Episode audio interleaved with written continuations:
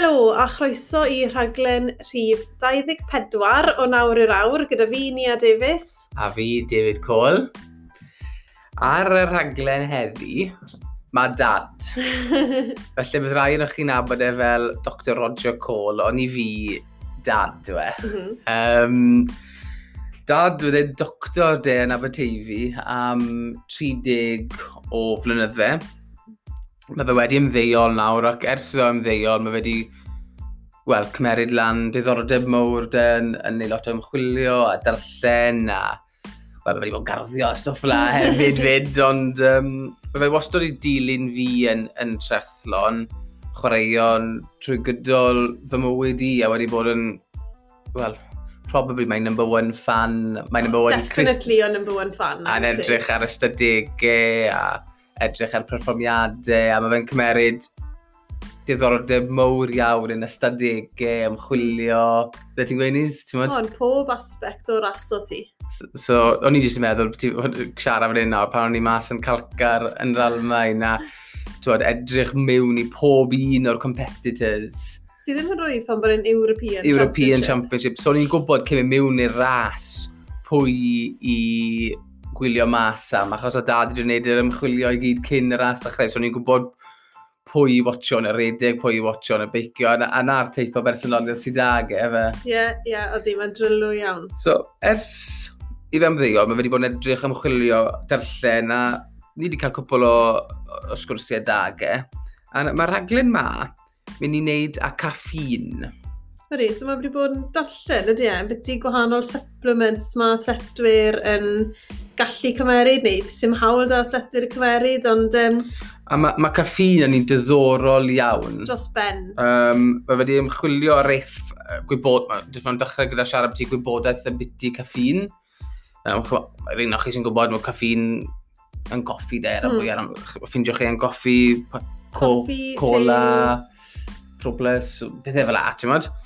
Ond yr effaith bydd fi'n cael ar chwaraeon yn diddorol dros ben. Mae hawl ydych chi cymeryd caffin, mm -hmm. a mae'r effaith yn feddyliol ac yn gorfforol yn diddorol, a mae'r ymchwilio mae dad wedi'i wneud wedi bod yn, um, wel, eye-opener i fi de. O di, to, mae ni wastad yn gwybod bod caffin yn gallu effeithio'r corff yn feddyliol a helpu ti aros ar ddyn, helpu ti canolbwyntio, ond o'n i ddim yn gwybod yn byty yr effaith oedd caffin yn gallu cael ar y corff. So, gobeithio newch chi uh, mwynhau Mae fe'n ma episod drylwy iawn. So okay. Mae'n hewch e. Um, dewch nôl i ni gyda unrhyw uh, feedback ar ôl ni.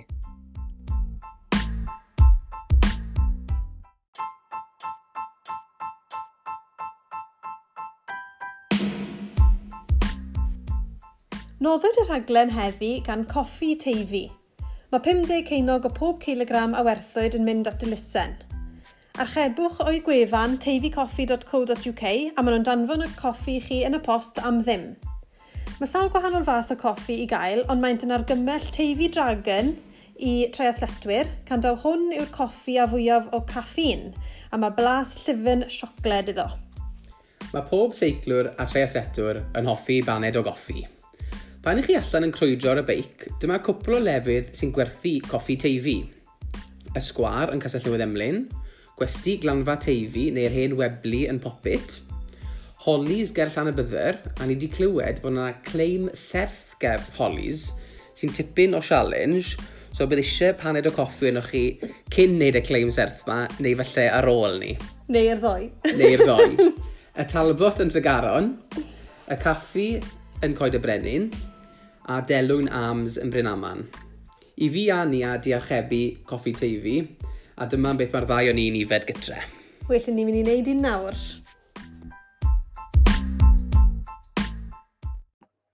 Croeso i'r podlais, Roger. Diolch yn fawr. Diolch yn gofyn fi. So, chi ni ymuno dyn ni ma heno i sôn am caffin a effaith caffin ar athletwyr. O'n i ddechrau da, ydych chi'n gallu gweud ni bach yn beth i beth yw caffin? Uh, Wel, mae ma, ma caffin yn grŵp yn grŵp o substances o'r enw xanthins. Mae caffeine yn un o'n nhw. Mae, mae nifer o'n nhw i gael dros uh, y byd i gyd. Um, a dewn ni falle mlaen bach um, at y rei wahanol i caffeine uh, nes mlaen. Um, a mae fe gael yn beth i 30 o wahanol planhigion dros y byd i gyd. Um, a rei ni'n gwybod am, wrth gwrs yw, yw coffi, um, mae fe gael yn te, a mae fe gael yn coco. Um, so yn wahanol um, um, planhigion dros y, dros y byd. Um, a hefyd i ni'n dod y grosau um, yn soft drinks, y colas. Um, I ni'n dod y grosau yn pethau ni'n prynu dros y counter yn y fferyllfa. Um, maen nhw gael yn um, pethau fel um, aspirin combinations, paracetamol combinations. Um, maen nhw'n gael wrth gwrs yn yr energy drinks mae pobl yn defnyddio. Um, so, ie, yeah, mae ma fe, ma fe dros, um, mae fe rhywbeth i, mae wedi bod pawb ar rhywbryd yn cymryd rhyw fath. Um, a byti fod yn, an, an amhosib i byd o... Yes, so, ie. So, mae fe i gael, fel ti'n gweud, yn lot o wahanol pethau ni'n cymeryd o, yeah. o ddydd i ddydd, coffi, yeah. Coca-Cola, yeah. a lot o wahanol pethau ti wedi gweud. Faint o fe sy'n gael defnydd wahanol, yeah. for, er enghraifft, lot o bobl Sean gofyn, faint o caffi'n sy'n mewn cup o coffi? Yeah. Wel, falle peth gyntaf bydd, bydd yn helpu gweud, bydd ti'n faint maen nhw'n gweud bod chi'n gallu cymryd. So, yeah. maen nhw'n gweud bod, bod, er, um, bod 400 mg y dydd, yn cwbl iawn, dim problems ac, ac yn y blaen i'r rhan fwyaf o bobl. Um, a mae 400 mg yn gweithio mas falle pedwar cwpaned o goffi y dydd. Okay. Tipyn. okay. yeah. Hmm. Ond mae ma fe, ma fe yn wahanol iawn yn, um, yn wahanol pethau e wyt ti'n ti cymryd.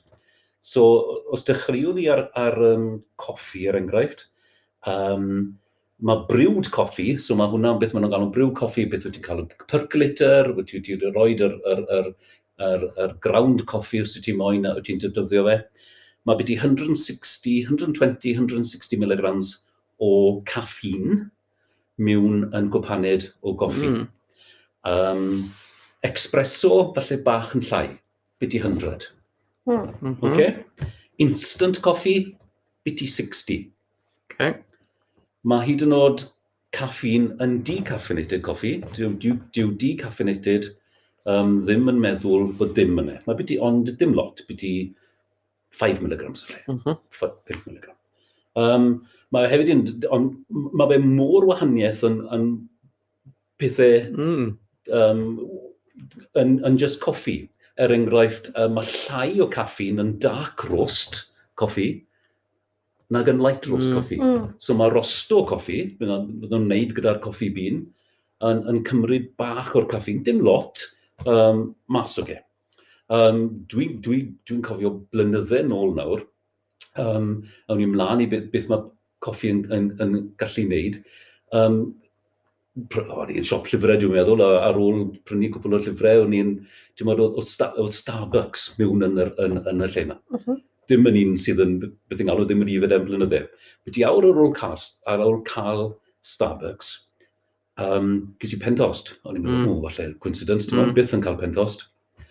Anyway, beti blwyddyn ar ôl ni, digwyddodd yr un peth gyda Starbucks. A edryches i wedyn, fel o'n i'n neud um, uh, edrych a, am pethau am, am, uh, am heddi, am y bodlais, um, mae Starbucks, o'n i'n ethebyg wedi cael un mowr So mae grond Starbucks, yr un mwr, right?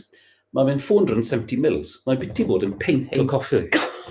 Ti'n gweud na nawr fyna, sori torri draws, ond fi'n cofio mynd i Costa, reit, dros y Zolig. Right. A cael, just y bod, oedd e'n bwged o coffi. Yeah. Mae'n gwmynt o coffi, mae doi handl i'r yeah. ban, yeah. mor drwm. Ie, yeah. wel, yeah. mae ti'n modd, mae'r concentration, mae'r volume yw hwnna, mm. ond o faint o caffi wyt ti'n cymryd mewn wedyn, 250, 300 mm, mg. Mewn un hit, mewn an lot. Mewn un hit, yeah.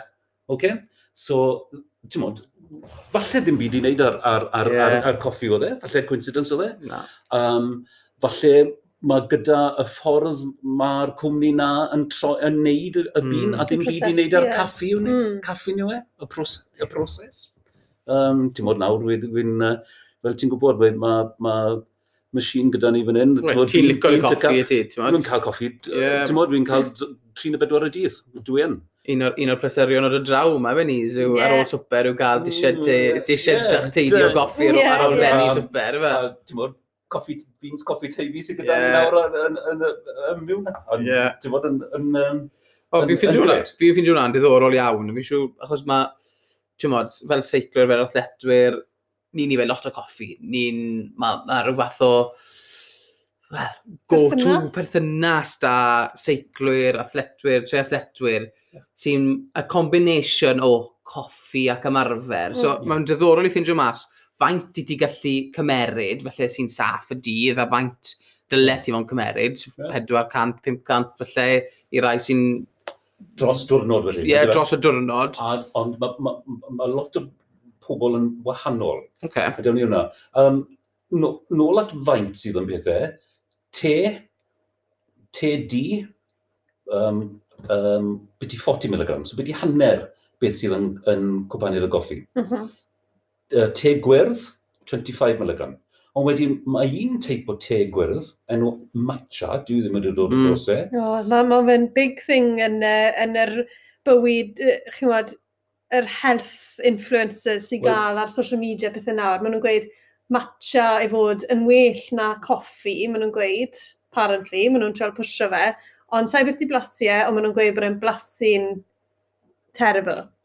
Mae 130 mg yn gwybod so mm. mae mwy yn matcha te gwyrdd na yn espresso. Wow. Mm. Okay? A gyda pethau fel te, a enwedig coco, mae lot o zanthins arall. Mm -hmm. So mae, mae pethau tebyg iddyn nhw um, sydd mewn yn, yn, yn te a, a, a coco yn, yn, yn enwedig. Uh, soft drinks. Um, Coca-Cola, 350ml, 34mg. Mm. So ti'n cymryd lot o foliwm, sy'n lot o caffeine. Pepsi mm. Max, maen nhw'n pwysio Pepsi Max fel bod caffeine yna. Mm. Um, 70mg. So mae llai yn 350ml, mm So eitha mm. mawr. Mm. Um, wedi tri chwarter peint yn dyfe, mm. o, o caffeine, mae llai yn, yn Pepsi Max a gofyniad y goffi. Mm. Mm. Energy drinks, Red Bull, 250 mils, 80mg. So, yr un faint o, o, o caffeine sydd yn... ti'n tebyg i ti fna i cyp o goffi, dylai. Ydy'n peth. Yeah. Ydy'n yeah. peth. Um, relentless fan hyn, dwi ddim wedi clywed o hwnna, ond uh, 160 mg, ond yn 500 yeah, mils. Paint wedyn, yfe? So yeah. ti'n cael, ti cael paint o ge, so ti'n cael dwbl... So, gwmwys yn beth ar Red Bull. Concentration. Yeah. O'n yeah. i, uh, i'n ifed relentless, pan o'n i'n prifysgol. O'n yeah. gwerthu yn y canteen yn Aberystwyth. Ar ôl ti gael noswedd mas? Cyn y noswedd mas. um, wedyn ti'n gallu prynu pethau wedyn uh, dros counter, falle cold and flu medications. Mhm. Mm -hmm. um, yeah. Beechams, 50 mg mewn sachet um, Lemsip Max Cold and Flu, 25 mg mewn capsiwl. So, wyt ti'n talu am paracetamol gyda bach o caffeine yna, e, a ti'n talu lot, lot mwy na bydda ti'n talu am paracetamol a gyfannu beth goffi. okay? yeah. mm. just, uh, just rhywbeth mm. bach ar, ar, ar hwnna, falle. Um, am, ag eto, um, gyda'r um, uh, pethau ti'n gallu prynu dros y counter, anadyn extra, bach o caffeine yna. E. Ond dim lot, 45 mg. Panadol extra, 65 mg. So eto, paracetamol a bach o caffeine. Yeah. Prynwch paracetamol a bach o uh, gymrwch coffi ag e. e, os, os na beth ych chi'n neud, yn dweud. Beth yn gyda rhywbeth fel Pro Plus dem? Maen nhw fod yn just yn caffeine tablet, ydyn nhw? Uh, odi, mae Pro Plus mae 50 mg o, o, o uh, caffeine yn un Pro Plus tablet. So mae hwnna byddu hanner um, cyfanir y goffi. Hanner espresso fach. Hanner espresso. Mm. Mm, yeah. Diddorol. So, fel, fel rwy'n ma, ma, ma, ma caffeine yn un o, o, o yn grŵp o, o pethau yn o'r xanthines. Y pethau eraill, mae un o'n un defnyddio fel, fel meddyg o'r enw theophlin. Uh, eto yn, yn, yn, yn dod o, o planhigion. A mae hwnna'n cael ei defnyddio, neu oedd e'n cael ei defnyddio, i agor y tubes yn asma. Mm -hmm. um, ddim mor gyblogaidd ag, ag oedd e um, blynydde yn ôl. Um, dim lot o, o stimulant properties gyda theophylline, ond yn agor y tubes mwy. Um, mae un arall o'r enw theobromin, a mae theobromin sydd yn coco, yn chocolate mwy. O'n i'n mynd i gofyn i chi fod i chocolate. Mm. So, faint o caffeine sydd e mewn rhywbeth fel chocolate, de? Wel, mae'r ma, ma, pros, ma proses mae'n mynd trwyddo, maen nhw'n tynnu lo, uh, lot o fe mas. Mm. So, mewn, mewn byddu 100 grams, 4 ounces o chocolate, milk chocolate, mm. mae byddu 25 milligrams o caffi. O, Oh, oce. Okay. Okay? Ond mm. os hmm. wyt ti'n mynd lan wedyn i ti'n modd 80-90% coco dark chocolate, mm -hmm. wyt ti'n mynd lan falle mewn 100 grams, 4 ounces, mae ma byddu 100-150mg, ond mae'n dibynnu ar y chocolate, mae'n dibynnu mm. ar y... Mm. Ond sy'n lot o caffeine yn, yn milk chocolate. Mae fe, ma fe mm. lawr sort of, ti'n modd, uh, yn weddol um, eisiau. Mm. Oce, okay, so nawr bod ni'n gwybod fyna a ti wedi rhoi ystadegau arbennig i ni o ran faint o caffeine sy'n mewn wahanol yeah. diodydd a pethau ni lle cael, os so counter, etc. Beth yw'r effaith mae fe'n cael ar, ar berson de, yeah. just person cyffredinol cyn i ni symud mlaen i'r i'r effaith mae fe'n cael ar, ar yr athletwr. Ie, yeah. well, well, stimulant yw fe. Mm -hmm. So mae fe'n, ma fe um, so basically beth, beth mae fe'n neud, mae fe'n actio ar, ar, ar y brain, mm -hmm. um, a mae fe'n helpu i person i cadw ar dy hun, mae fe'n helpu person i fod bach mwy alert, mm um, mae fe'n helpu person falle i canolbwyntio bach yn well. Mm. A hefyd mae fe'n, beth mae'r ma Saes y gweud yn performance enhancing. Mm -hmm. mm. Mae'n helpu ychydig ar perfformiadau, dwi'n ni mlaen um, eto ar, ar hwnna. Stimulants arall, dim uh, yn coffi nawr, na dim yn xanthines, ond y grŵp o stimulants, um, mae pethau'n dod mewn i fe fel amphetamines, Hmm. wrth gwrs, um, ddim hawl i, i cymryd yn fentimis. band, ie. Yeah. Um, a mae hwnna ar y band list gyda, mm. uh, uh, gyda um, chwaraeon. A, ah, just illegal generally. Illegal generally, wrth gwrs. yeah. Um, ephedrin, beth mae'r Americanwyr yn galw ephedrin, beth ni'n galw adrenalin. Ah. Mm. Okay. Okay. Yeah. Mae um, ma hwnna ar y band list, mm -hmm. ond mae rhywbeth o'r enw pseudo-ephedrin, a na beth yw constituent Sudafed, sydd yn mm. decongestant, wyt ti'n cymryd mm. fel tablet neu cymryd fel uh, nasal inhaler, mae hwnna ar y band list. Oh. Um, yn, yn chwaraeon, uh, achos mae fe, basically, adrenaline tape, mae fe'n rhoi'r heart rate lan ac yn y blaen. So sim hawl dyn ni cymeryd Sudafed cyn ras? Na, um, a na beth um, um, oedd yr ysgiar, Daniel Sgiar gath i ban o, o blynydde nôl nawr, um, uh, Scotsman oedd e. Alan Baxter. Baxter oedd e nawr, ti'n iawn. O, da iawn. Ie, yeah, a oedd e wedi cymryd nasal inhaler Fi'n cofio hwnna. Yn, yn y wlad mm. ma, a oedd e wedi prynu'r un un yn Canada. A lot o ffesbytig e, a lot o... A oedd e, yr un peth oedd e wedi cymryd, ond oedd yr un yn mm. Canada, a, a e. basically, Sŵd Efferdrin yn yeah. Ag oedd e'n, ag, um, ac oedd e ddim yn gwybod beth, beth oedd e wedi, jyst ti'n mynd cyn sgio, jyst roi rhywbeth yn ei drwy neu i clifro'r passages, yn mm. Ac, um, ie, yeah. um, collodd ei fe dal, Do. ond gath ei ddim ban wedyn ar ôl yn o edrych mewn oedd e, achos oedd e wedi bod yn, um, yn uh, wel, oedd e ddim yn gwybod, oedd e, ti'n bod, e- oedd e'n genuine. Oedd e'n, ie, yeah, dda, dda, beth oedd yr, um, y teimlad, ie. Yeah. Nôl lawr i, i caffi'n fyna, yeah. achos beth sy'n diddori fi yw'r ffaith bod e- mae lot ar ôl ni neu bach ymchwil cyn dod fan hyn i siarad hyn o, yw y ffaith bod e'n bod hawl cymerid e mewn chwaraeon. Okay. Ond oeddi hwnna wasto wedi bod fel an, neu oeddi e oedd e'n ban substance o blaen? Beth yw'r hanes tu ôl hwnna gyda'r gyda, gyda caffin mewn, mewn chwaraeon da? Ie, yeah, well, well, basically, oedd e'n band. Right. Um, So mae rhaid ti mynd nôl beth i hanes o, o ffordd oedd mae, mae pethau wedi bod yn cael eu testo yn, yn chwaraeon. So yr World Anti-Doping Agency dechreuodd hwnna 1999. Um, Wel, dechreuodd e prynu a dath e'n mewn mwy yn, yn, yn 2004. A cyn hynny, oedd, oedd pob chwaraeon, pob sport yn sort o testo ei hunain. Mm -hmm. um, So oedd yr International Olympic Committee, o'n nhw'n sort o wneud i, i, i i tests nhw, um, oedd athletics yn wneud i profion nhw falle, oedd, oedd peil droedwyr yn wneud i pro, profion mm. nhw. So pob un sort o wahanol, a dethon nhw gyd gyda fe o dan ymbrella. Ond rhwng 1984 dwi'n meddwl a 2004 oedd caffi'n ar y band list. Um, mm. Achos oedd e'n performance enhancing. A, a, a basically, beth, beth o'n nhw'n neud, o'n nhw'n testo dŵr, a, a achos o'n nhw'n amhosib i gael, um, o ti, ti'n modd, achos mae, mae rown i trwy'r amser, o'n amhosib i bido Gymru bach o gen, mm. os oedd mwy o certain lefel dati yn y dŵr, oedd, oedd, oedd, oedd ti'n torri'r torri rheolau dwi ddim wedi ffindio unrhyw un gath ban o hmm. gymryd gormod. A broblem oedd oedd nhw'n testo yn y dŵr, oedd ddim y caffi'n oedd nhw'n testo yn y dŵr, ond y breakdown product. A oedd pethau eraill hefyd yn sort o wneud y breakdown products yma a mewn yn y dŵr. So bydde fe'n rwydd i athletwyr dweud, o dim caffi'n achosodd well, hwnna. Wel, ie, ti'n modd. Hmm. Ti'n modd, mae ma, ma, pethau eraill yn, yn sort o dy mewn ag e'n neud y, e, y mwy, um, mwy gymleth. A ti'n modd, allu ti wedi cymryd chocolate, ti'n o cwpl o diwrnodau mm. gynni, neu cael mm. cacen, ti'n modd, beth bynnag, ynddo fe? Mm. So hmm. bydde fe wedi, ti'n modd, mm. yn really anodd. So beth netho nhw yn, yn 2004 wedyn, um, tynnu nhw e off y prohibited um, list, list yeah. a maen nhw wedi rhoi e ar beth maen nhw'n galw'r monitoring list. So maen nhw ddal i edrych, os maen nhw'n cymryd samples, maen nhw ddal, wel, maen nhw'n gweud bod nhw ddal i edrych um, uh, arno fe, Ar y lefelau, ie. Ar, ar, ar, y lefelau, ond monitoring. Yeah. Mm. Na, um, na gyd yw e.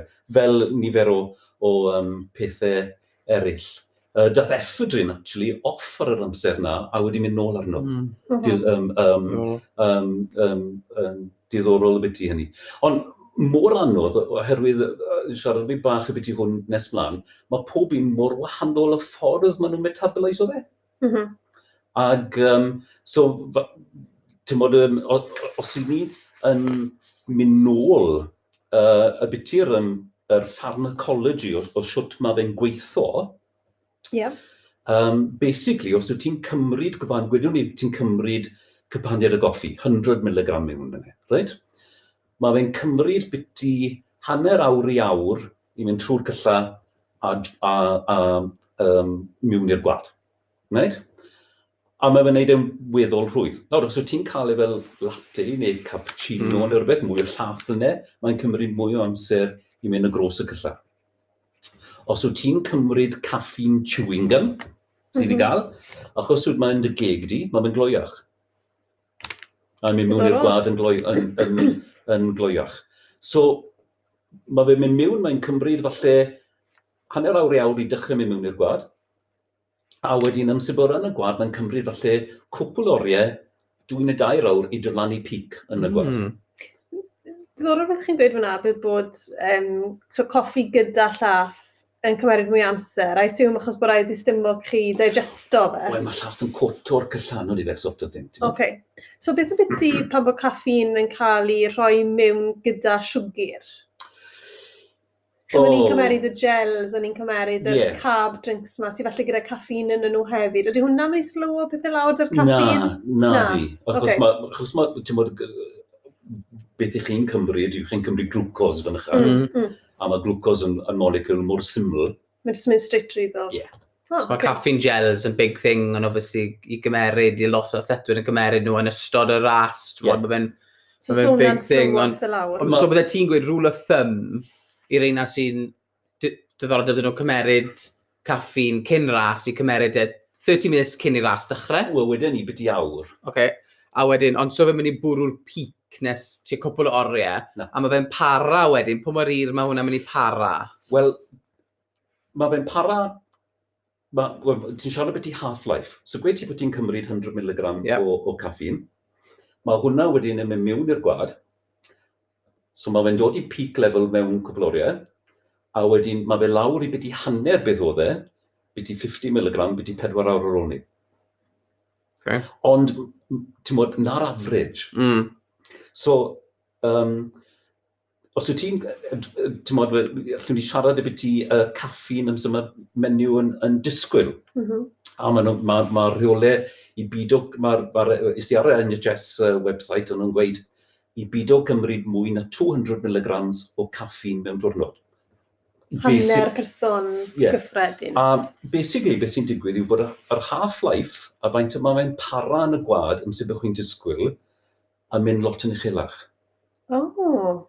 So, so basically, mae'r ma, ma, ma, ma, ma afi, mae'r liver yma ddim yn metaboliso fe mor gyflym, a, a wedyn mae, so mae'r half-life mae'n mynd para yn hyrach yn y corff. Mm. So mae, falle bod e'n ddim yn mynd lawr i hanner am 10 to 12 hours. A mae pob un yn wahanol, falle bod e'n bod e'n help fan hyn i, i, i, i sort of meddwl um, i, uh, y byti pobl sydd yn cymryd alcohol. Mm. I, ni, I ni gyd yn gwybod pobl, maen nhw'n cymryd un neu ddoi drink a maen nhw'n ma nhw, ma nhw feddwl. Ydyn. Ydyn. Okay? maen nhw'n intoxicated, oce? Okay? A ni'n gwybod... Dy fi ma, ie. A wedyn... Just i fi hwnna. A wedyn, i ni gyd yn gwybod o pobl, maen nhw'n gallu cymryd llon bwced o, o alcohol, a dyw e ddim fel bod unrhyw effaith byd ti fod arnyn nhw. Mm. Yeah. Eh? Yeah? A ni'n gwybod o'r rhan fwyaf o bobl yn sort of 4-5 drink neu beth bynnag is bod nhw'n bod bod nhw'n bod nhw'n bod nhw'n bod nhw'n bod nhw'n bod nhw'n bod nhw'n bod nhw'n bod nhw'n bod nhw'n bod bod gyda caffin.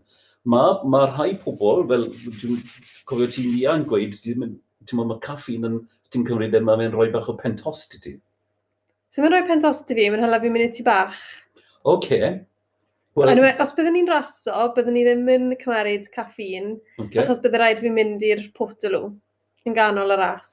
Okay. Mae mild diuretic effect gyda, gyda, gyda caffin. Mm un study yn dangos bod y diuresis a faint o dŵr uh, wyt ti'n mynd i'r tŷ bach yn actually yn pobl sydd yn marfer yr un peth a os yna ddim wedi cymryd caffi. Hmm. So amser wyt ti'n ymarfer, mae'r ma diuretic effect, o faint o dŵr mae'n paso, yn mynd llai wrth ymarfer. I suppose y bawels yw'r issue dy fi yn hytrach na y dŵr. Ie. Yeah. Yn hala fi, a fi'n siarad â lot o thletwyr eraill lle maen nhw'n gweud yr un peth. Mae'n hala chi, mae'n hala chi mynd i si bach ar cael hmm. i fy coffi. Mae hwnna'n siŵr lot i wneud o, to, fel ti'n mynd ôl i'r pwynt i wedi gweud, a tolerance sydd ati, a faint ti'n gyfarwydd gyda. Ie. Hmm. A'r effaith, yn, yn feddyliol ac yn gorfforol, dyn ni'n mlaen i i'wna wedyn, dwi'n siŵr ond yr effaith mae'n cael o faint bod tolerant i ti i, i yeah. coffi. Os ti'n rhywun falle fel fi sy'n yn nifed pedwar cwbaned o goffi y, y, y diwrnod, so yr effaith mynd i fod yr un peth i fi, a falle rhywun sydd ddim yn cymeryd. Mm. Os mae rhywun ti'n cymaru gyda wedyn sydd ddim yn cymeryd yeah. braidd dim o coffi, ar ôl os ydyn ni fel pedwar cwbaned o goffi, maen nhw'n mynd i fod hwff. Ie, yeah, well, hollol ti'n bod yn gwmwys yr un peth alcohol yn mynd nôl i Gymraeg yeah. o hwnna, yeah. weddol rwydd. Wyt ti'n gwybod os wyt ti'n hifed alcohol yn ymal, mae ma tolerance yn digwydd iddo. Mm -hmm. A mae ma, ma fe, ma fe un peth gyda coffi. Um, so ie, yeah, mae ma half-life uh, um, um, byddu pedwar awr, mm -hmm. a mae fe lot yn fwy os chi'n disgwyl, ond mae rhai pobl ddim yn metabolaiso yn dda, mae rai pobl dyw caffi'n ddim yn cael effaith arno. Mae mm. nhw'n beth maen nhw'n galw non-responders. Mm. A mae hwnna i gyd i wneud â rafi a'r lyfr a siwt wyt ti fel person unigol yn, yn metaboliso'r caffi'n lawr yn dy gorff ti. So nawr bod ni'n gwybod bod e'n helpu ti garw ar dy hun, helpu ti fod yn fwy alert, y pethau yeah. fwy feddyliol. Beth i ni gyd yn uh, diddordeb yna o'r effaith mae fe gallu cael yn gorfforol de. A dwi'n na'n wir os effaith, neu just myth yw e. I'r rhan fwyaf pobl ma fe. Um, so, basically mae lot o studies wedi cael ei wneud dros y blynydde a wedi cael ei gymryd yn enwedig ers mae wedi dathau e off y band list yn, yn 2004. A, a wedi edrych yn lot o wahanol uh, clasys o, o, o bobl. Um, so, basically, um, uh, pobl mae fe'n helpu fwyaf yw'r endurance exercise. Mm. Ac sy'n nhw'n siŵr siwt mae fe'n gweithio, ond nhw'n meddwl blynydde nôl, beth oedd e'n neud, oedd e'n torri ffat lawr yn gloiach, a wedyn oedd e'n cadw y glycogen stores, y carbohydrate stores nôl, amser mm. ti'n moyn um, um, um, ti'n ymarfer oedd eisiau energy stores arno ti. So pan bod caffeine dych chi'n y corff, chi'n defnyddio fat stores chi'n hytrach na carbohydrate stores chi? Ie, yeah, mae fe'n ma fe defnyddio'r free fatty acids yn, yn gyflymach. Mm -hmm. A mae ma lot o'r xanthines wedyn, um, a pethau tebyg iddyn nhw, yn cael ei defnyddio, dim caffeine, yn cael ei defnyddio i treol colli pwysau. Hmm. Um, so basically, mae ma, mynd nôl at y, at y, y, y chwaraeon, so y, y clas fwyaf yw'r endurance athlete, yr endurance um, yeah. sportsman, a yr un sydd yn gwneud aerobic exercise, basically. A fel ni'n gweud, mae, ma, ma hwnna rhywbeth i wneud ar, ar ffordd na ffat sy'n cael ei defnyddio, ond mae fe hefyd mynd mwy at yr amser ti'n mynd at y mysl a ffordd mae calsium a potasium a bethau yma yn helpu yn yr energy cycle. A ti'n modd, maen nhw wedi gwneud y tro ar ôl tro yn, yn, yn, enwedig yn, yn pobl sydd yn seiclo, yn rhedeg marathons, um, rhwyfo, nofio. Mae gynted o ti'n mynd a ti'n exercise o am mwy na byd ti awr, falle llai, um, maen nhw'n well. So mae... Mm. Ma, mm. Mae hmm. ma, ma rhan fwyaf o'r studies wedi cael ei wneud ar defnyddio rhwng 3 a 6 mg per kilogram o caffeine. So mae hwnna'n gweithio mas, os wyt ti David, dwi'n meddwl beth beth ti 65, mm. so mae hwnna rhwng 200 a 400 mg. Mm. Okay? Mm. Um, so ti'n siarad y beth ti un double espresso a doi double espresso. Mm. A diddorol, um, os wyt ti'n cymryd mwy na na, a ti'n dechrau wedyn yn mynd lan i beth side effects wedyn, mm. a problemau, a gallwn ni siarad efo ti, ond sut ti'n mynd mwy na, sy'n fwy o effaith. Okay. So, oedd e fel yn mynd fel, fel plato. So, oedd rhan fwyaf o bobl yn cymryd yr, yr, yr dosis na, oedd oedd yr um, cyclist, time trialing trials, o'n nhw'n mynd yn well. Uh, elite runners a treadmill, o'n nhw'n mynd yn well. Uh, rhwyfa 2,000 metres, o'na llai na awr, a'r trial performance well gyda caffi. Mm. Nofio 1500 metres, well performance.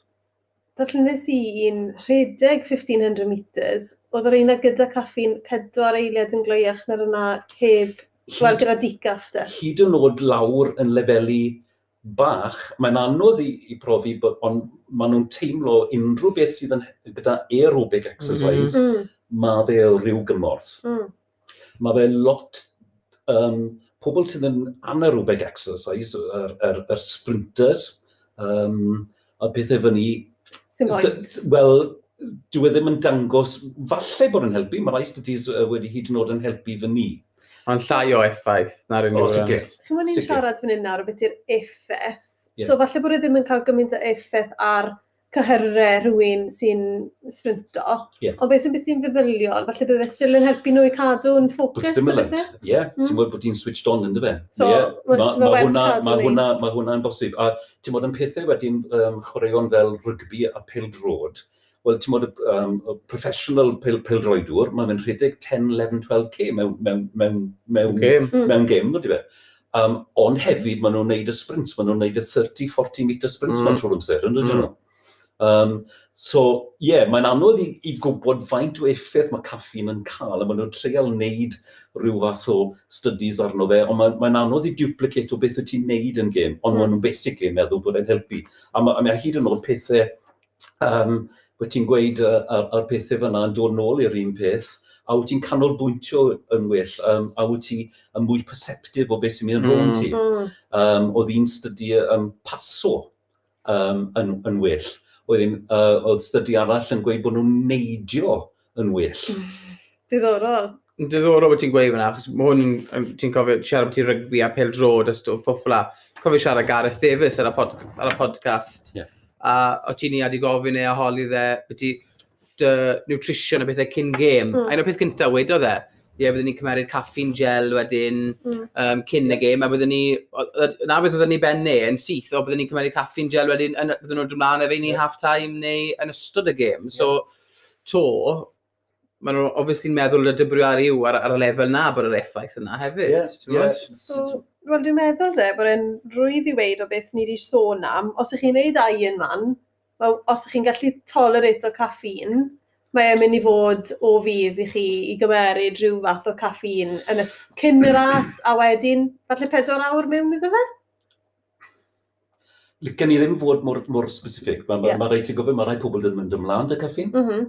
Mae rhai pobl a llai o tolerance iddo fe. Mm -hmm. A'n sicr bydden ni ddim yn mynd i'r mm. i'r, ir, ir, ir, ir beth fel Iron Man Im treial e fe. Treial e. O, ie, ie, ie. Obviously, mae hwn... O, obviously, os mae buddion i gael na, felly treial, obviously, dim am y tro cynta am y rai yna, ond o'n i no. treial e yn ystod ymarferion hir, yn ystod long bike ride, siwt i chi'n mynd i dod mlaen, dege, Yn diddorol, yn ystod yr marathon a i yma'n Cymru, anyway, mae Red Bull stand hanner ffordd rownd. Wel, a mae hwn yn diddorol, ti'n modd, so ti'n meddwl bod oedd e ar y band list, y caffin, mm. um, a ti'n modd, mae'n y monitro o hyd, mae fe'n nod bod yr associations mae gyda pethau sydd yn, ti'n bod, yn, mm. wel, bod, wel, sa'n gweud borderline, ond on, mae fe sort o'n cael ei monitro, ond maen nhw'n ma nhw cael ei um, studio. Peth arall wyt ti'n gweud y byddu tolerance. Mae'r rhan fwyaf o'r studies hefyd wedi ddangos os wyt ti'n hifed lot o goffi yn ymal, a dim, dim just un cwpan y beth bynnag, ti'n cael llai o effaith am sut ti'n mynd am, am, am beth alw cyn performance yn, yn mm. yr peth yn galw. So, oherwydd mae'r tolerance na dati, os wyt ti wedyn yn cymryd, byddai ni'n gweud, ti'n modd, um, 200 mg, ti'n cael llai o, ti'n cael llai o, hmm. o effaith arno fe. Dwi wedi clywed sawl athletwr, sa'n siŵr efo Geraint Thomas oedd un o'n nhw'n gweud maen nhw'n cyto yeah. caffin mas yn yr wythnos neu ddoi cyn yr event, fel bod y boost, mwy o boost gyda nhw yn yr event o'n i, hunan. O'n i e. just fynd i gweud oh, na. Oh, sorry. Na, na, na, achos fi wedi clywed na fyd, mae lot o fod, fi wedi darllen lot o triathletwyr yn gweud bod nhw'n cyto lawr yr wythnos cynni er mwyn cael e, yeah. y boost na eto, ti'n modd? Mae cwestiwn bach fi fan hyn i chi, felly bod yn cwestiwn braidd yn anodd, ond ni sôn fan nawr am beth i Red Bull. So, mae Lucy Charles, uh, Daniela Raiff, a fi'n siŵr lot o triathletyr proffesiynol arall. Yn cael ei noddi gan Red Bull. Yeah. Na beth yw main sponsor nhw, a maen nhw yn aml ar social media yn posto llun o nhw yn ymarfer gyda can o Red Bull. Nawr mae lot o pobl yn gadael comments y bethau dan hwn wedyn yn gweud, come on nawr, ni'n gwybod bod chi ddim actually yn iwso Red Bull i ymarfer da. Chi dim ond yn neud hwn achos bod nhw'n talu chi i wneud e. Beth yw'ch barn chi ar hwnna? Achos ydych chi gweud ar un llaw wel chi'n gweld y buddion y caffîn, ond ar y llaw arall, so chi'n... Wel, sa i'n meddwl o Red Bull fel drink bydde rhywun sy'n meddwl am ei iechyd yn cymeryd? Ti'n bod Chi'n meddwl bod nhw yn actually iwso Red Bull? allai ddim, allai yeah. ddim ateb. Ys ti'n hmm. gweud beth um, ymarfer dag e? Mm. Os wyt ti'n ymarfer pob tro dag e, ti'n mynd i cael llai o mm. um, ar y diwrnod y ras. Ie. Um, so, ti'n modd, mae'n iawn, ti'n modd pob unig cael coffi neu, neu mm. beth bynnag yn mm. iawn.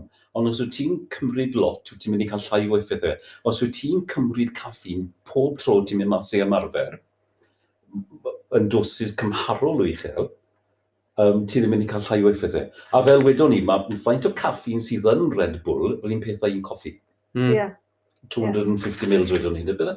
Rhywbeth fel awd, ynddo fe? Peth e? dwi'n um, ffeindio'n anodd i gredu mewn ffordd yw, fe maen nhw'n dangos bod nhw'n nofio.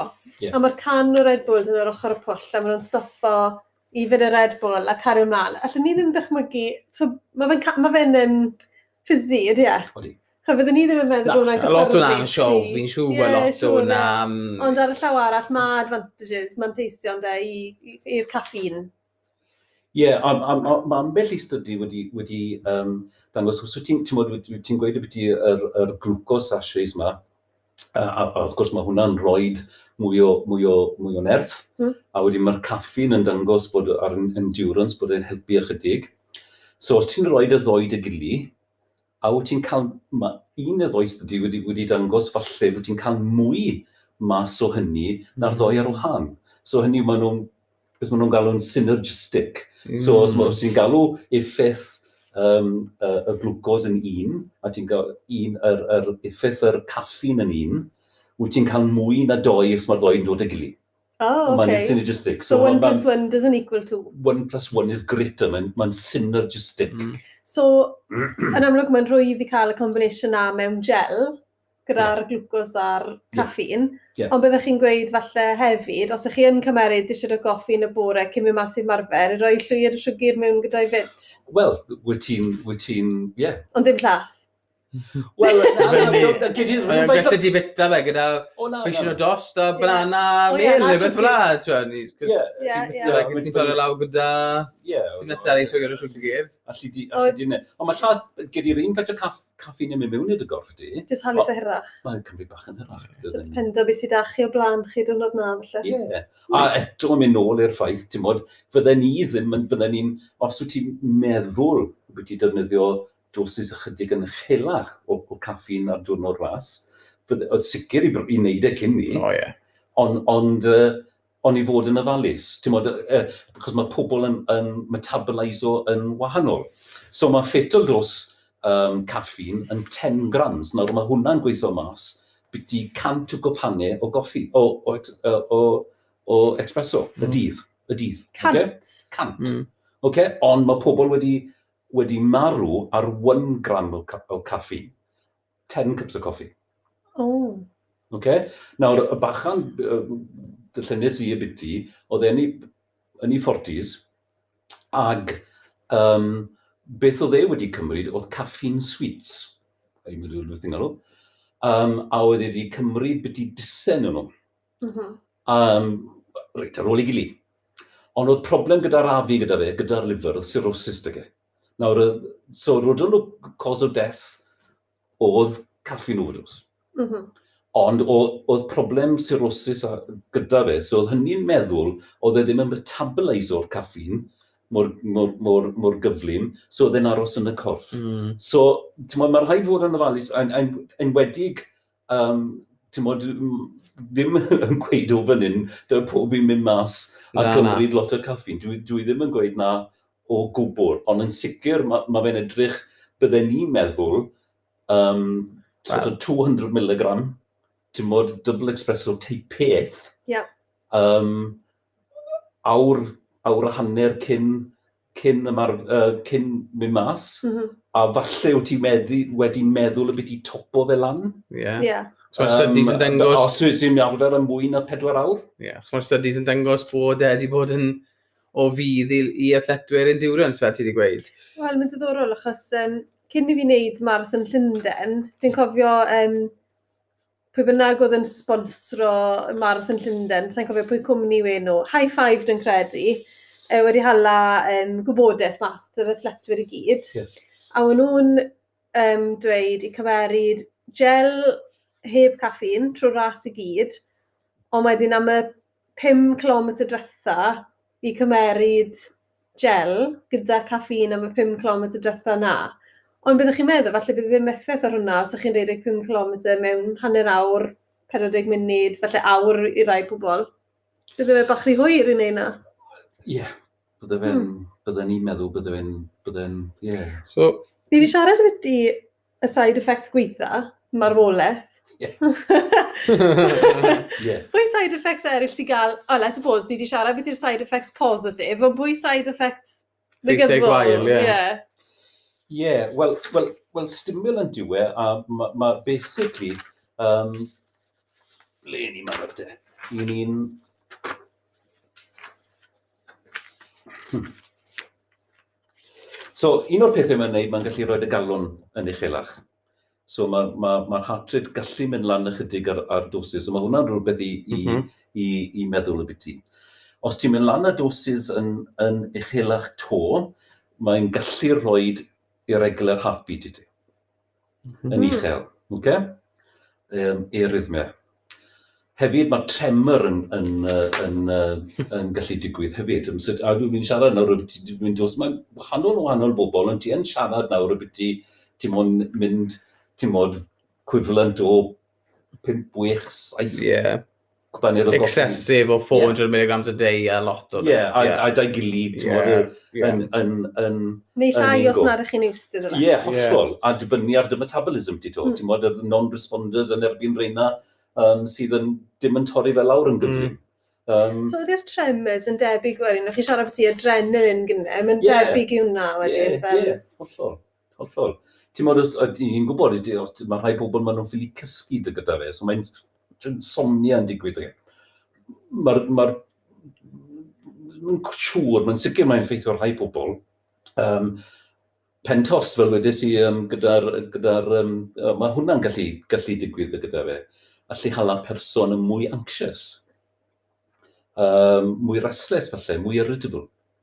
um, os ti'n cymryd lot o gen um, mae dependence yn, di, yn digwydd arno fe. Ti'n mynd, yeah. ti mynd, ti mynd uh, am coffi bydd gyntaf yn y bore. Ond hefyd, mae ma beth i fod y side effects i gyd ma yn, yn digwydd yn, yn dosis lot yn eich a mae'r person ddim yn gyfarwydd ag e. Ond mae'r un peth yn digwydd os ti yn gyfarwydd ag e, a wyt ti'n cael withdrawal effects. Mm. Mm. Mm. Mm. Beth am um, dehydration? Fi wedi clywed, oeddi hwnna'n just yn myth neu oeddi, e, oeddi caffeine yn dehydrato ti? Wel, yn nhw'n edrych ar hwn um, yn yr Unol Daleithiau ar milwyr. Ac um, basically, o'n nhw'n nhw mas yn treino ac, mm. a, a, a, ac yn y blaen. Um, a basically, o'n nhw'n moyn rhoi caffi yn nhw trwy'r amser i cadw fynd, i cadw fynd, i cadw hmm. fynd. Mm. Ac um, a o'n nhw'n poeni wedyn y bit i'r ffaith bod nhw'n goffo mynd i'r tu bach trwy'r amser, ti'n mynd i'r tu bach trwy'r amser. Mm. A basically, ffindio nhw bod nhw ddim yn paso mwy o dŵr um, dros cyfnod amser o'n nhw'n ymarfer. Mm -hmm. So wedyn o'n nhw'n, ti'n modd, o'n nhw yn gweud, o'n ma'n, ti'n modd, achos o'n peth gwynt, achos o ti ar march yn, yn rhyfel neu beth bynnag, ti'n modd, eisiau mynd i paso dŵr dros mm. So o'n nhw'n, um, o'n nhw'n iwso ar un peth, o'n nhw'n iwso sort of 3-4 mg per kilogram. So ti'n siarad y biti'r yr, yr, yr, yr un peth. So effaith mae fe yn diuresis, ti'n modd, os ti'n um, yn, yn rhoi mael diuretic i ti, os ti'n cael cyfaniad yn y bore, ond mae effaith hwnna'n mynd yn llai, fel medden nhw, yn rhan fwyaf bobl, wrth ymarfer. Mm. A, a maen nhw jyst yn meddwl oherwydd bod, yr, bod y amser ti'n ymarfer yn galed, basically mae'r filtration rate yn y kidney yn mynd yn llai di pas o llai o rŵn. Mm. Ond so hwnna meddwl bod y corff yn metabolism caffeine yn slywach fyd? No. Na. Mae'r ma effaith mae'r caffeine yn cael un peth os yeah. ti'n treino neu ddim yn treino. Ie. Yeah. Hmm. Well, sorry, nawr ti'n ti gweud fyna, mae rhaid ti'n gofio faint o caffeine wyt ti'n gyfarwydd gyda. Ie, yeah, ie, yeah, ie. Yeah. A'r, ar person wyt ti, a wyt ti'n rhywun yeah. sydd yn, yn metaboliso'n yn, yn, yn glwyach neu, neu, neu byd o. A wedi, ti'n meddwl, yr un peth da plant, mae mae plant yn metaboliso yn, yn araf. Mm. Um, um, ti'n meddwl, yr un peth ar, ar, ar menywod yn, yn disgwyl, mae'r ma, half-life lot lot yn hirach. A na un o'r pethau mae rhai gwledydd, en, en, enwedig uh, um, Ffrainc, uh, Denmark, um, mae'r ma, ma rheolau gyda nhw o faint o caffin sydd gallu fod yn sports drinks. A sy'n hawl dy ti basically cael mwy na 30-35 mg mewn mod, 370 mils o, o, o, o, o caffein, uh, ti'n modd, o, o, o, o, o drinks ma, sports drinks ma, sy'n hawl dyn nhw mm. oherwydd yr, yr, yr, yr, yr effaith maen nhw, achos mae pobl yn early teenagers neu beth bynnag yn Cymru nhw, ti'n modd? Os. Ag, um, um, so, ie, yeah, mae hwnna'n dod mewn i ge um, uh, ychydig hefyd. Stori um, um, diddorol efo ti, mae'r caffi culture, dim ond i ni gyd nawr yn cymryd mwy o caffi'n yn y wlad. Ti'n modd, Mae'r pobl ifanc yn, um, yn, uh, modd, gyda'r sports drinks a, a, a bethau fy ni, i ni nawr mae'r cap, mae'r Coffi market yn masif, ydy? Coffi culture yn y wlad ma, yn uh, masif a wedi dod trwy ddod really sort of uh, oh. o America, dwi'n meddwl, yn reiddiol gyda'r multinational companies yma yn, yn, yn, yn, yn dod, a, a ti'n bod, mae mae'n mynd yn poblogydd iawn. Mae wedi mynd yn ffasiynol i fer coffi. Odi, odi. A mae ma, ma fe'n diddorol siwt mae hwnna wedi troi o falle te uh, yn mm. nifer o bobl. A um, stori, um, stori bach neis, uh, uh, han, hanesyddol, uh, y Boston Tea Party. Lle wedi clywed o'r Boston Tea Party uh, Boston Tea Party in 1773, right? A basically, oedd, um, oedd uh, um, yr unol daleithiau ar y pryd, um, oedd y sort o wedi cael ei rhannu rhwng y Ffrancwyr a, a, a Bryden. Um, a oedd Bryden wedyn yn, yn dod mewn a um, pethau mewn i'r unol daleithiau i'r colonies, fel oedd e'n cael ei cynnwys ar y pryd. A o'n yn rhoi treth ar pethau, o'n rhoi taxes ar pethau. Ac un o'r pethau yn rhoi arno oedd te a oedd hwn yn, am, ddim yn poblogaidd uh, o, o gwbl um, yn hmm. gyda nhw, a oedd e'r sort of yr un amser o'n nhw'n moyn cael independence, a oedd yr really ddim yn lico um, y, y ffaith bod y, y, y tres mae'r a'r te, a oedd yr arian nhw'n mynd nôl i Brydain, ac wedyn wrth gwrs na, cadw'r gyfnod yn, yn, yn, yn, yn yr States. So na siwr oedd, dechreuodd y Boston tea party beth wnaethon nhw, y pobl yma ar ben, uh, mewn i'r cwch yma, a twlwn nhw'r te mewn i'r harbwr. Mm -hmm. Ac um, ti'n siarad prynu oedd werth 10,000 o de, hmm. arian nawr byddi 1 million pounds. Wow. Okay, o, o te wedi cael ei dwylio. Wrth gwrs, ti'n mor, cre, creodd hwn lot o broblemau rhwng yr Unol Daleithiau a yn Bryden. A adeiladodd hwn mewn i'r War of Independence. So ath e mewn i'r revolution, a oedd e'n sort o dechreuad o pethau, a oedd hwn yn sort o trigger ath i mwy o beth, a oedd da, dath rhyfel a wedyn, rhai blynydde ar ôl ni wedyn, dath um, independence um, um, uh, o, o, o Bryden. A yn diddorol, achos o treth ar te, um, Oedd e, a hefyd, oedd y te yn cael ei cynnwys gyda'r pobl o Bryden, oedd yr Americanwyr wedyn wed, yn troi at coffi i fod yn mwy patriotic. Yeah, yeah. A na un o'r reswm oedd... Ched TV. Oedd traddodiaeth um, coffi yn yr unol daleithiau a, a, a, a, a dim te. Un o'r reswm. Mm. O, oh, ddiddorol. Yeah. So chi byth yn clywed Americanwyr yn ifed te? Na. Na, ah. wel, na, e oedd e ddim yn English team yn nhw'n galw fe, ynddo fe? Oedd e, e ddim yn patriotic, yna dde. Fi di ffindio hwn ar ei ffaith o caffi yn diddorol. Ni ddim yn sylwi nes siarad ma hyn o, a edrych mewn i fe tamed yn unan, yr effaith yn feddyliol. Ni'n gwybod bod e'n cadw, ti'n modd, cadw ti fwy yn mynd alert o lot o bobl yn neud ei dino ti lan. A, yn yr effaith mae fe gallu cael yn gorfforol yn diddorol iawn, especially yn y... Uh, fath o sport i ni wneud, a mae lot o'r grondawyr yn wneud. So hwnna'n... Um, ti'n mm. ifer coffi, mm. ond so ti beth wedi cymeryd caffin yn benodol er mwyn gwella perfformiad Na, ond mae'n mynd nôl y fi pan o'n i mas yn ymarfer gyda, gyda Mark Livesey yn hen coach i mas yn mas yn Mallorca, ys i mas ac ni riad tyff wythnos o ymarfer blwyddyn drethas, ti'n cofio ni, a cyn cwpl o endurance sessions. Oedd e'n dy mewn, oedd e'n gweud, come in, come in have a sit down. Oedd e'n neud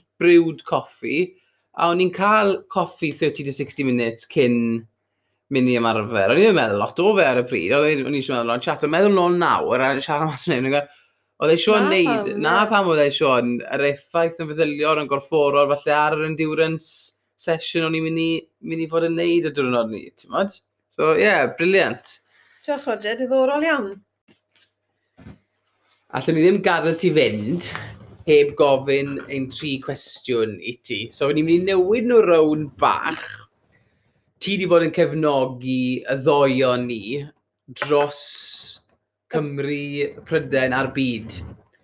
Beth yw'r cystadleuaeth gorau i ti wedi gweld ni yn cystadlu mewn? Cwestiwn un. Fel spectator. Fel spectator. Um, so, cwestiwn yw, pwy'n licen ni gweld to? Neu, ne, pwy'n joies ti fwy ar y pryd? O, joio fwyaf. Um, Wel, ti'n modd, mi'n gwybod am ma dim bych y, y pysgod gyda'r... Mae'n mae, mae, mae, mae diwrnod um, ffantastig. A mae fe'n... Mae fe'n... Um, mae fe'n uh, ffantastig. Um, ar wahân i hynny felly, eh? ma, a, ma, a mae'r Iron Man events yn, yn, yn, yn fabulous ar half uh, Iron Man events. Mae'n hir ddo, dyn nhw. Odin, long day. a, a, i fod yn onest, maen nhw'n, ti'n modd fel rwy'n ti'n modd yn edrych arnyn nhw, wyt ti ddal yn meddwl pethau fel, um, o, oh, dyn nhw, sy'n nhw mas o'r dŵr to. Yeah. Neu, neu um, o, oh, dwi'n meddwl bydd bydde wedi dod trwyddo ar, ar y beic erbyn hyn, beth sydd wedi digwydd. Mm. So mae ma hwnna'n sort o gwyn falle mwy o beth i'n personoliaeth mm. i. Hmm. So lyges i ti yn, yn, um, yn, ia, yn, yn, yn, lan yn, yn, am, yn aman, um, yn, a, a tro gyntaf ges gysdi podium, a dwi'n dwi gweld, mm. eto mynd nôl ar, ar, gwen, um, dis di off y beic, o ti'n drydydd, a o ti'n mynd siŵr oedd y rhed yn, yn mynd i mynd, a dis di mewn o'r, or rhedeg, a o ddal i fod yn drydydd, a dim wen o glist i glist, a oedd hwnna'n ffab. Oedd hwnna'n ffab. Um, a ti'n modd, um, yeah, um, gyda David, un ras licen i wedi mynd nôl a gweld David wneud tos, sort o uh, slant o'r cwestiwn, yn mynd nôl am sydd yn crwtyn. Ac um, oedd e'n e mynd nôl, dwi'n meddwl bod ti 15, un ar 15 o ti, um, y National Indoor mm. um, yn, yn Cyrdydd, um, um, um, yn Cyn Coed. A so ti, o ti wedi entro'r um, 800 metres. Ac uh, um, gyda'r indoor, 200 metr lap yw e, so pedwar lap. A, dis, a, a mon pedwar len um, sydd. Si. So mae'n pedwar sy'n gallu bod yn ras. So oedd disen wedi entro, so oedd tri hit. Ac um, so oedd pedwar yn, yn, yn, yn, yn pob hit, yn dyfa. Um, a David yn yr hit gynta, ond oedd e lan yn erbyn a bachan oedd wedi ennill y blwyddyn cynni'r champion. Mm -hmm. Ar champion. Mhm. So, sa'r person sy'n mynd trwyddo pob hit? Wel, achos mae'n ffeinal y pedwar, mond yr enillwr oedd yn mynd trwyddo, a un fastest loser. Okay. So, David yn y ras gynta. Yeah. A gwn i'n meddwl, o, bad luck. Ie, yeah, ti'n modd, oedd yna bad luck. So, So, oedd Kevin dy coach ti, dwi'n meddwl, oedd e gyda Lee lan yn, yn Birmingham, mm. os ti'n mm. cofio nawr, oedd Lee yn neud y Steeplechase Championships neu rhywbeth ond oedd e. So, just ti a, a, a, a fi oedd. A, ti'n modd, cofio beth yn galw, wel, mae rhaid i just mynd amdani, mm. ti'n modd, even splits round falle, ond, on, ti'n modd, sy'n byd ydi golli nawr, mae just rhaid ti'r hydeg, dim tactics wedyn y gwbl, ti'n modd. Mm. Ag, um, a enillest i'r ras, a torres di'r Welsh uh, record yn dyfe. Um, ac oedd hwnna'n fabulous. y ti oedd trwyddo. Fel mae'n digwydd wedyn, y diwrnod ar ôl ni oedd, y ffeinal wedyn, yn dyfe. A dwi licen i hwnna yw'r ras mm. licen i ti wneud um, to. Yn cracking um, race, yn cofio fe. Ac basically, oedd y bachan oedd y champion yn wedi qualify o fel fastest loser. Mm -hmm. Um, on, a, a Swansea Harrier oedd e, ynddo fe. A oedd doi Swansea Harrier wedi mynd trwyddo i'r ffeinal, a o'r un coach dyn nhw. Ac, basically, at David Off, ti'n modd, a dechrau'r dechrau ras, a wedyn oedd y champion ath e o blaen ti a rafodd e'r las ychydig, os dwi'n cofio. A fy'n very tactical race, dy fe. Yn Ynddo fe. A oedd ti, oedd un o blaen ti a un tu ôl ti. A fyny oedd e am, am cwpl o laps, a wedyn, ys ti'n mynd o'r final lap, a wedi 150 i fynd, a cicest ti, ynddo fe. Mm. A o'n i'n meddwl, mae'n ma mynd i ennill. Ar, ar papur, dwi'n meddwl, ti oedd y gloiach. Mm. A, a gys ti dyla beth 20-30 metres o'r diwedd. Oh. A gyda dim o'r champion, ond o'r Swansea Harry ar arall. arall. A ti'n modd, o, oh, mynd mewn i hwnna, ti'n modd, o'n i'n ti'n modd oedd, wel, dethon ni mas o ge, ddim yn anhapus. So, o, Ma, o ti silver medal, dy fe? Do, a wedi di torri ar y record y ti, a gyparodd am rhai blynydde, dwi'n meddwl. Ti'n modd, a mm. cyn mynd mewn i'r ras, o'n i'n meddwl, o, wyt ti ddim yn siŵr, dwi'n ei wneud, a falle hi ddim hyd yn oed cymryd y mm. ffainal. Ond meddwl nôl ar, ar, ar hwnna, sori. Na, hwnna di rôl y lot. Na Naweth o'r podcast ma, i roi di fi yn bersonol, yw lot o fel atgofion da, fel ti'n siarad fan ti'n ras, a yeah. pa mor yeah. dda, ti'n briliant atgofion bendigedig o'r raso, atgofion pan o'n i'n siarad â dewi, a yeah. wedi bod yn cyswllt â Kevin, a mm. just dod nôl a lot o fel atgofion i fi pan o'n i'n ymarfer, pan o'n i'n cystadlu, a pa mor briliant wedi wedd hwnna i gyd i fi, yeah. a siwt mae wedi dylanwadu ar, ar y berson i fi yma heddi, ti'n modd? Yeah. O'n sicr, ti'n modd, um, ti'n modd, yr, yr, um, just y, y, y, y peth o ymarfer a'r disgybleth, mm. mae hwnna wedi, wedi, um, wedi cadw mlaen. yn ydy fe. Mae hwnna wedi dod wrth gwrs o, o pobl fel, fel Kevin a Harriers Gyfyrddin a Dr Hedydd yeah. a ti'n modd y peth i gyd yn dy fe. Briliant, ie, yeah. briliant. O, ddiddorol. Yeah. So, Roger, cwestiwn nesaf sydd â ni yw, awys ras mas na, i chi heb gwylio neu cymeryd rhan ynddo, hoffech chi wneud? Hoffech ni wneud? O na, dwi'n mynd i still lawr y gyfan i'r goffin. Pwy ras? Os fe unrhyw le ti'n mynd yn y byd, yeah. i watcho fi yn Ian wneud unrhyw ras, pwy'n bydde fe, le bydde fe? Ie, yeah, well, mae ma Conan peth obvious i gweud fyna, e, yn oeddi fe, ti'n modd, yn, um, i, i, i, i, i dod lan. Ond, ond dwi wedi mwynhau trefeili yn Ewrop yn enwedig, um, a, a gweld chi yn, yn gystadlu yn, yn, yn Corc neu, neu mas yn Ffrainc, eithon ni'r Almain, i'r Iseldiroedd. Mm. So, licen ni falle um, bod chi'n falle mynd mewn am, am ras arall yn, yn uh, rhywle fach wahanol, ni'n gallu mynd yn y camper ac yn y blaen. Rhywbeth bach left-wing. Roth falle, yn yr Almain. Ie, yeah, neu... yr Almain, neu mm. lan i'r lan i Scandi, neu, neu yeah. Gogledd Eidal, neu, neu, neu rhyw part arall o Ffrainc. Mor gwmynt o fel llefydd wedi bod, fel Calcar. Fydden ni beth ti'n mynd i Calcar? O, na, na, na. Yn yr Almain. Ti'n meddwl, yn i'r Madrid? ar y fam, a wedyn twrwn ni yn yr Isil Didloes. Madrid, dwi'n gwybod Madrid, lle, ond falle byddwn ni beth ti'n bod i Madrid. Na, na, mae Madrid yn dinas lyflu yna, dwi'n A Nice wedyn? Ie, wel, oedd nis yn ffaith. Wel, a mae'n mynd at i llefydd llefydd, llefydd ydy ti felly ddim yn mynd i, ond i'n bai, o mae ras ni, yeah, chi'n dod mas. ddim. yeah, yeah. Wel, eithon ni draw, dwi'n chi'n ymarfer lawr yn y, yn y French Alps, a dyfam y fi ar, ar, yn y camper, y hedfanwch yma. Thank God. Yeah, thank God. A eithon ni draw i'r Alsas. Yeah. Um, a wedyn dreifon ni trwy'r swistir lawr i'r... Mae'n briliant. Lwcus bod nhw da dan i fi meddwl. Na'n oh, yeah. maen ni. Gweud y stori yn gloi, wyt ti ti ar y beic beth yn... Yr uh... 100 miler na, ar y nestig, oh, yeah, well, se, well, seiclo nôl, a stori ti de, a wedi i'n seiclo nôl, o'n i'n darllen rhywbeth y beth i hwn, pedyrnod. O, fi'n credu pan o'n i'n ymchwilio am yr penod o thosdetha.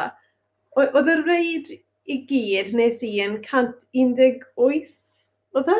Neu bydde fe wedi bod yn 118 o filltirodd os byddwn ni wedi seiclo fe gyd, ond o'n i biti fel 5 milltir o gytre a ffono Rodri i dod i pigo fi lan.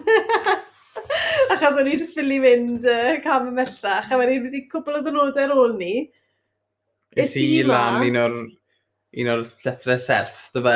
Heb dillad uh, cywir, hmm. heb y bwyd cywir. Wel, ges i dala, achos ges i lawr o'r ochr arall, a dy hewl ar gai. Os yw'n gofyn Stephen Nolan. So, ni'n gofyn, well, sa'i byth mynd i gallu mynd all the way nôl lan, to. A wedyn da ceser low trwm, so gath So, os ag ada'r SOS call arall yn wythnos na, i dyma si o'n ni am y second so, time, dyma. E? Ond, a uh... chi wedi cael SOS call dy fi pan o'n i'n trio wneud uh, Raffa 500, a ges i doi puncture, a gaffach chi dod i ôl fi. Christmas Eve. Christmas Eve, ie. Yeah.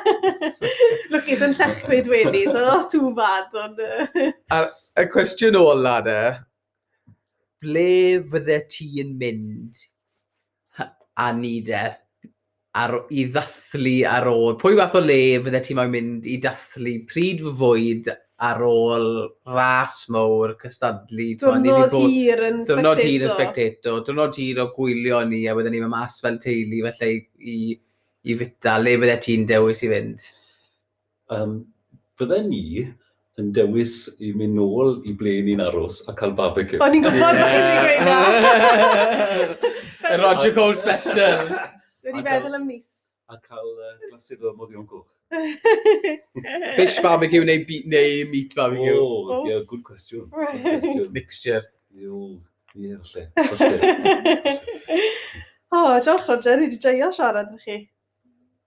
Ie, yeah. Fi wedi dysgu loads a fi wedi bod yn... Uh, fi'n siŵr bydd lot o'r grondawyr yn meddwl nawr o beth i'r effaith o caffîn a siwt bydden nhw gallu, gallu dechrau dod mewn â hwnna i ymarfer a gweld sy'n maen nhw'n yn dopi gyda fe mewn i ymarfer a'r effaith falle cewn nhw ar nhw, arnyn nhw a maen nhw'n nawr yn gwybod Twod, o'n i ddim yn gwybod faint o miligrams na ti fi'n siŵr, oedd yn paned o goffi, oedd yn glasod o coc, oedd yn can o Red Bull. A nawr mae'n gallu gwneud ymwybodol, okay, ymwybodol a gweud, okay, un cwpaned o goffi, hanner awr, 60 munud cyn ni, a let's go from there i gweld yr effaith geithio arna i cyn, cyn diwrnod ymarfer, falle, a mynd o fyna, ti'n Achos byddwn ni yn osgoi caffeine, ond mae definitely wedi hala fi meddwl, wel, falle dylen ni treial cael tolerance fi lan a experiment ydy fe i weld sio ma fe'n gweithio. Ie, yeah, ond os mae'n hala ti... Dim nawr yn y dyfodol. Os mae'n hala ti yn anhwylus, dy ge, ti'n modd, sy'n pwrpas wedyn, os e, ti'n modd? Hmm. Ond, fod yn ofalu stygau, e? a... a dim... Falle byddai'n sticto i'r te yn lle'r coffi. Ond dangos pa mor drylwy a Roger wedi bod ma, a pa mor manwl gyda'r ystegau a'r ymchwil, a diolch am edrych mewn i ni wedi bod yn yna. Mae'n briliant. Rili diddorol. Diolch.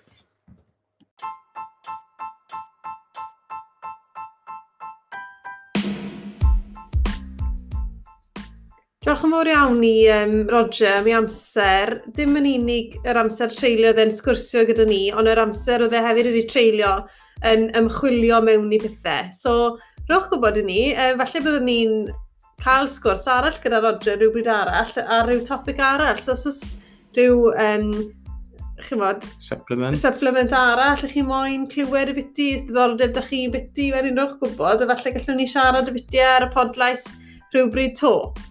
Diolch yn fawr hefyd i teifi coffi am noddi y rhaglen a cadwch llygad ar ein um, Facebook a Twitter ni a hefyd ar Instagram personol fi a dau achos mae teifi Coffi yn garedig iawn wedi cytuno roi discount cod i'n grandawyr ni. So newch yn siŵr bod chi'n cadw llygad mas am hwnna yeah, not be missed gyda'r uh, gyda offer yma gyda TV Coffi. Stocwch lan am yn adolyg. Mae pob un yn mm. joio coffi fach ar ôl cynod i sil neu uh, gyda bach y gaws ar ôl a, a pwdyn. So stocwch lan ar, ar TV Coffi.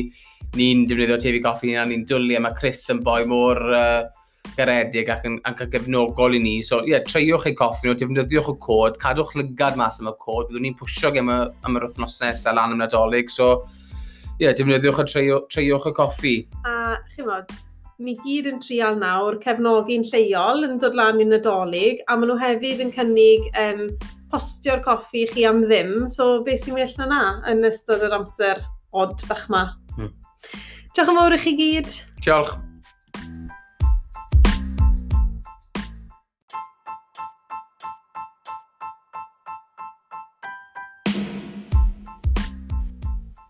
Noddwyd y rhaglen heddi gan Coffi Teifi. Mae 50 ceinog o pob kilogram a werthwyd yn mynd at dilysen. Archebwch o'i gwefan teificoffi.co.uk a maen nhw'n danfon y coffi chi yn y post am ddim. Mae sawl gwahanol fath o coffi i gael, ond maent yn argymell Teifi Dragon i treathletwyr, can daw hwn yw'r coffi a fwyaf o caffîn, a mae blas llyfn siocled iddo. Mae pob seiclwr a triathletwr yn hoffi baned o goffi. Pan i chi allan yn crwydro ar y beic, dyma cwpl o lefydd sy'n gwerthu coffi teifi. Y sgwar yn Castell Newydd Emlyn, gwesti glanfa teifi neu'r hen weblu yn popit, Hollies ger Llan y Byddar, a ni wedi clywed bod yna claim serth ger Hollies sy'n tipyn o challenge, so bydd eisiau paned o coffi yn chi cyn wneud y claim serth ma, neu falle ar ôl ni. Neu'r ddoi. Neu'r ddoi. y talbot yn Tregaron, y caffi yn Coed y Brenin, a Delwyn Arms yn Bryn Aman. I fi a ni a diarchebu coffi teifi, a dyma beth mae'r ddau o'n i'n ifed gytre. Well, ni'n mynd i wneud un nawr.